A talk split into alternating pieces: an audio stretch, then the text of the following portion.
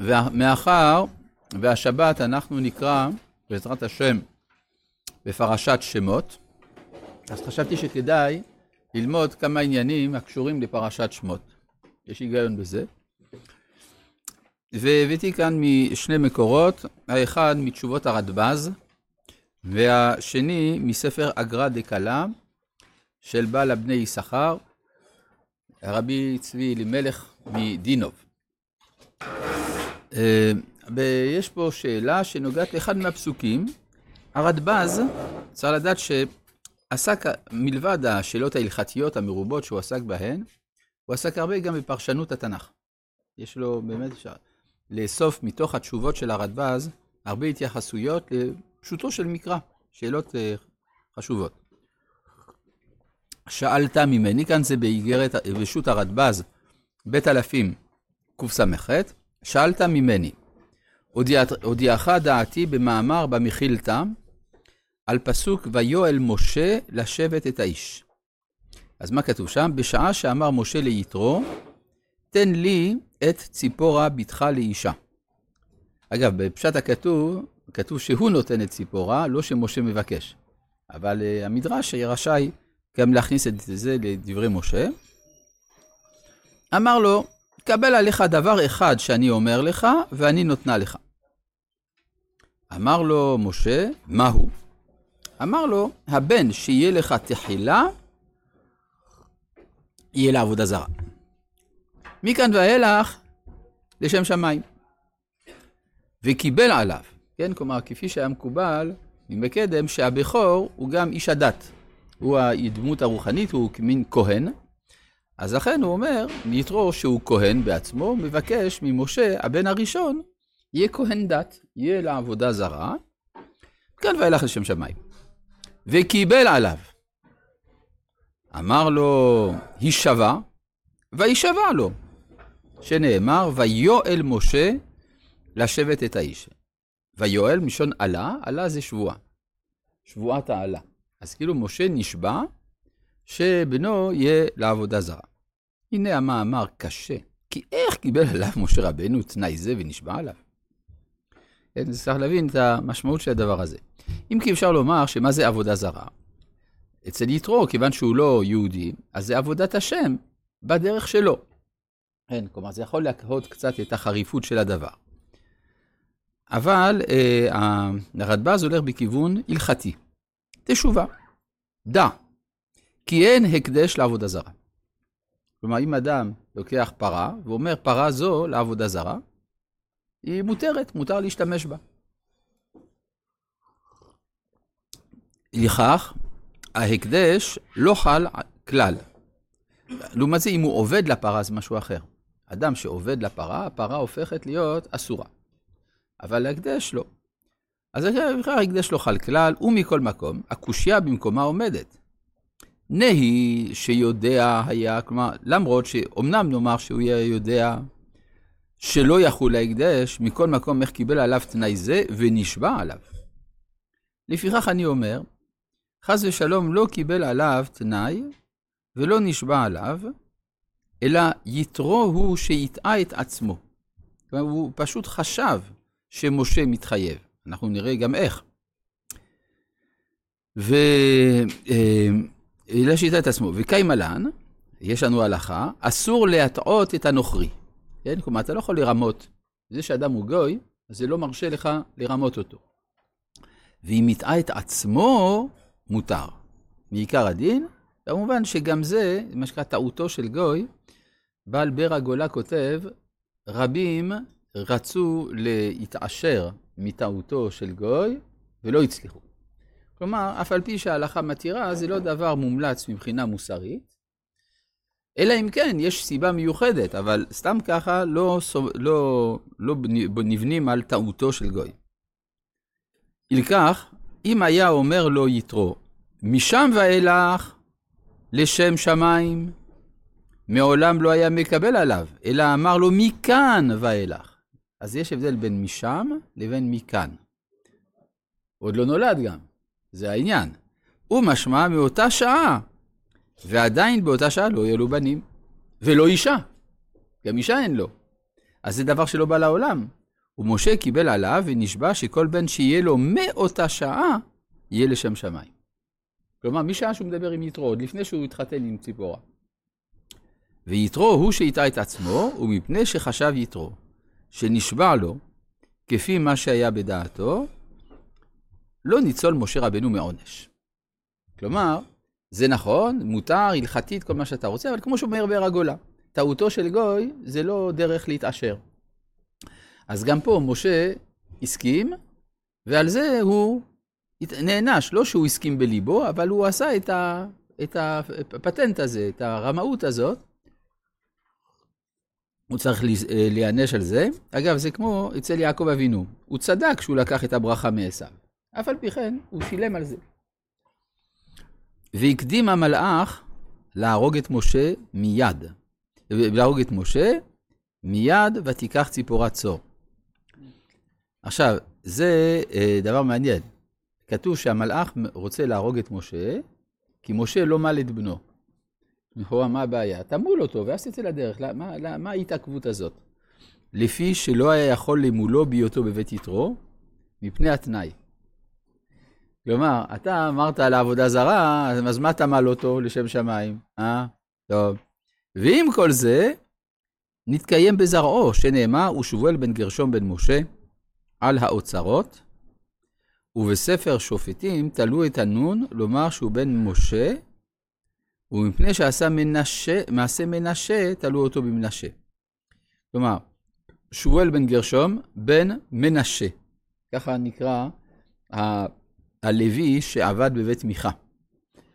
אז זאת אומרת, קוראים לו בן מנשה, אבל הנון תלויה מעל השורה, אז צריך לקרוא בן משה. רק מפני כבודו של משה, אז הוסיפו את הנון, לפי הרדב"א זה אדרבה, זה כדי להעניש את משה, כן?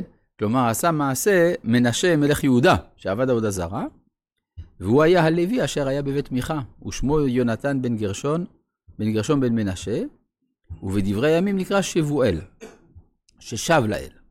כלומר, הוא היה דתל"ש, אבל חיסבט, כלומר חזר בתשובה. ומשמע שלא שב בכל ליבו, שהרי אמרו שזה היה הזקן שהחזיר את הנביא ושיקר לו, וגרם לו ששיברו הארי. כן, בספר מלכים. אה, מה?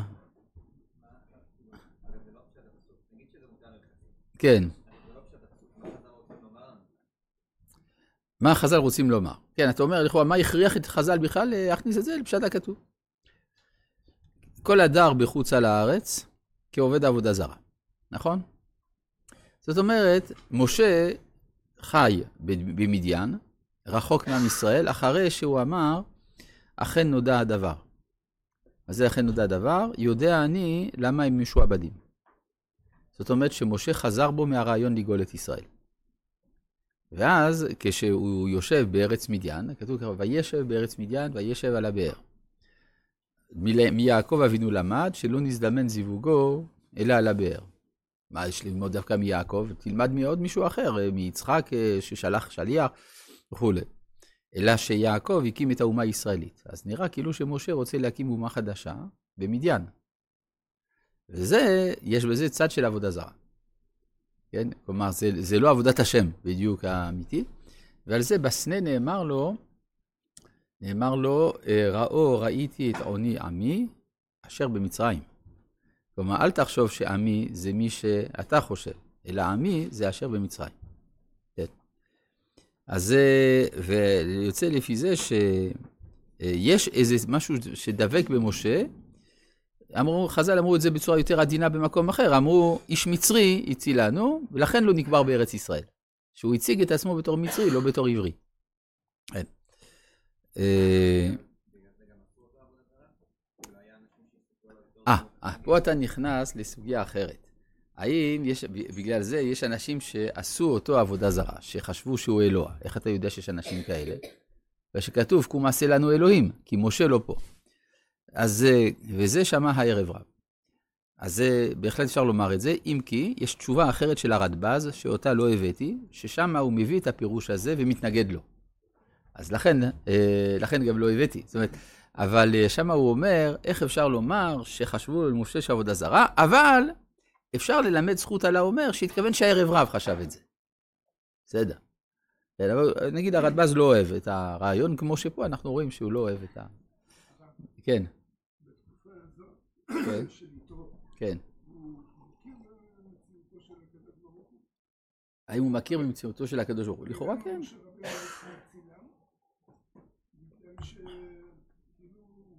מה הייתה... אתה מדבר על בנות יתרו? כן. כן, נכון. אז אם אנחנו הולכים... מי, יתרו או משה? כן, יתרו. יתרו. אז זהו, לפי לכאורה המתבקש, יתרו, הוא מאמין בשם. כהן מדיין, אם כי זה לא כתוב במפורש, הכתוב מעלים. עכשיו אני רוצה, כי מצד שני אומרים על יתרו, שלא הייתה עבודה זרה שהוא לא עבד אותה. כן. או... כן. יכול להיות, יכול להיות, זה הסבר יפה, אבל אני רוצה קצת לחדד את זה. איך אפשר לעבוד את כל, העבוד, כל העבודות זרות? אפשר להגיד, הוא עבר מעבודה לעבודה לעבודה, זה בחור מבולבל, כן? בהתחלה הוא הולך לכת הזאת, אחרי זה לכת הזאת, לכת הזאת.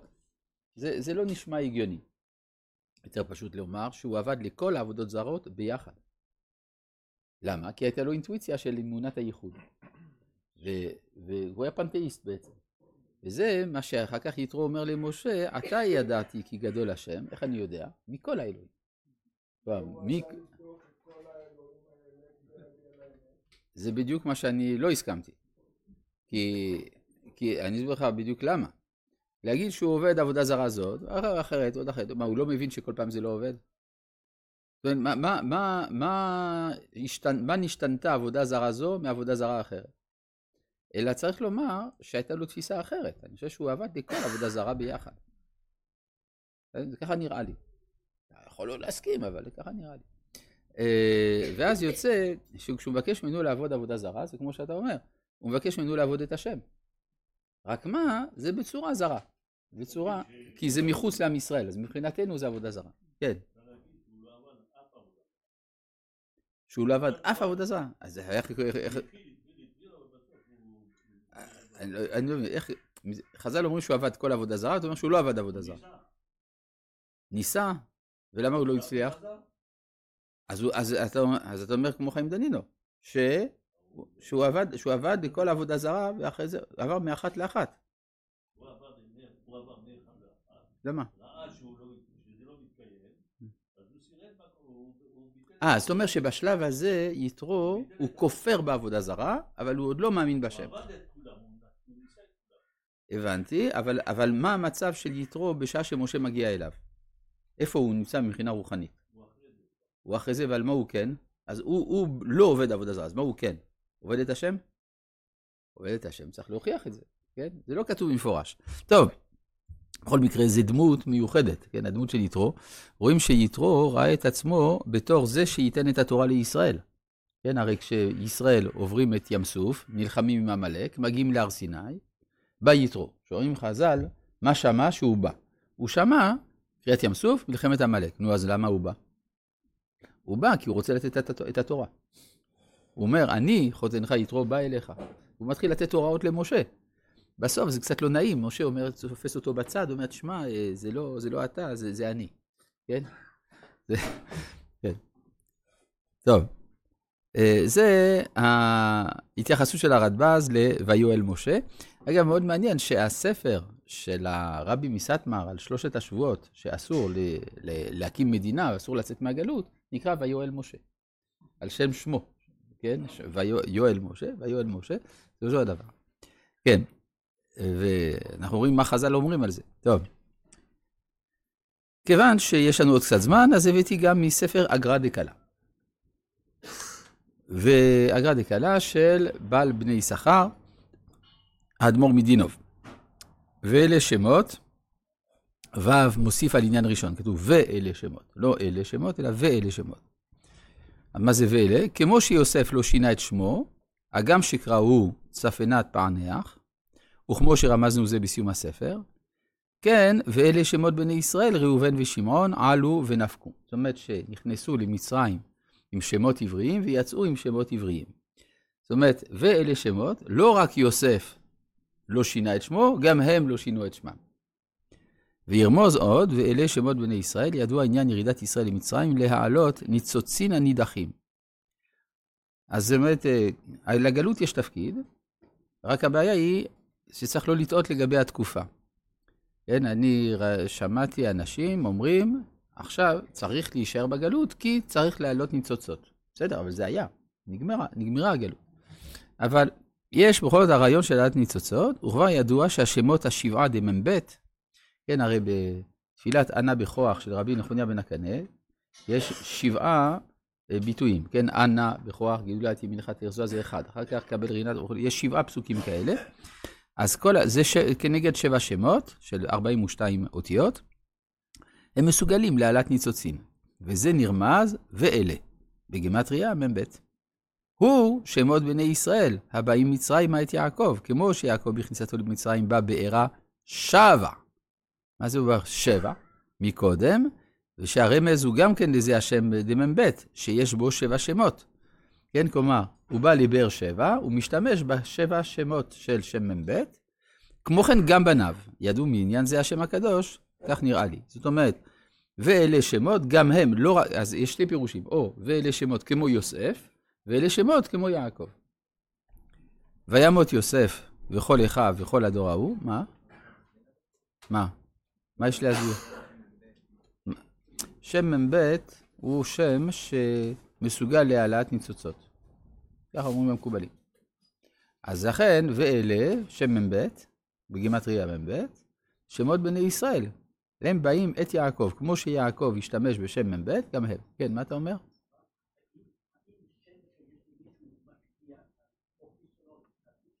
האם שמו של אדם משפיע על אופיו והתנהגותו? התשובה היא, כן, שנאמר, ולא ייקרא את שמך עוד אברהם, והיה שמך אברהם. שרה אשתך, לא תקרא את שמה- שרי, כי שרה שמה. כן, וקראת אותו ישמעאל, כי שמע השם, וכולי.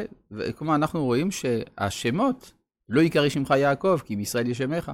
כלומר, שינוי השם משנה גם את האופי של האדם. כן, בהחלט. יש דבר כזה. רק השאלה, האם זה אומר לטובה או לרעה? למשל, מחלון וחיליון, איזה מין שמות ההורים נתנו להם? כן? מחלון וחיליון. אלא, צריך לומר, הם התכוונו כיליון מלשון כלולות, קלטה נפשי. כן? אבל אפשר לפרש את זה לרעה. כלומר, זה יכול להיות לכאן, יכול להיות שם. ו... מה? מים, כן, יש שני פירושים למילה משה במצרית. יש משה במובן של מים, יש משה במובן של בן. יש שני מילים מצריות שפירושן כאן. כן. אז משה הוא, אה, מי שנתן לו את השם, זה בת פרעה. שמו העברי לא כתוב בתורה. חז"ל אומרים, מה היה שמו העברי? טוביה. כן, שנאמר, ותראה אותו כי טוב הוא, מתבקש, אז יסביר למה, ותראה אותו כי טוב הוא, אז אומרים, מה השם? לא כתוב, כן? אז זה בת פרעה, בסדר. אגב, ויח את המצרי, המצרי אומר חכם שושני, בגמטריה משה. כן? שהוא היכה את עצמו בעצם, כלומר, עזב את המצריות. וימות יוסף וכל אחיו וכל הדור ההוא, הנה, פטירת יוסף כבר נכתב בסיום הספר, וגם היה לו לומר בקיצור, וימות יוסף וכל הדור. מה זה וכל אחיו וכל הדור? והנראה, דמשמיענו גודל רחמנותו יתברך שמו. איך לאט לאט התחיל עניין השעבוד, ובכל פעם נרגש העניין יותר, והנה, כשמת יוסף, היו מכובדים מאוד.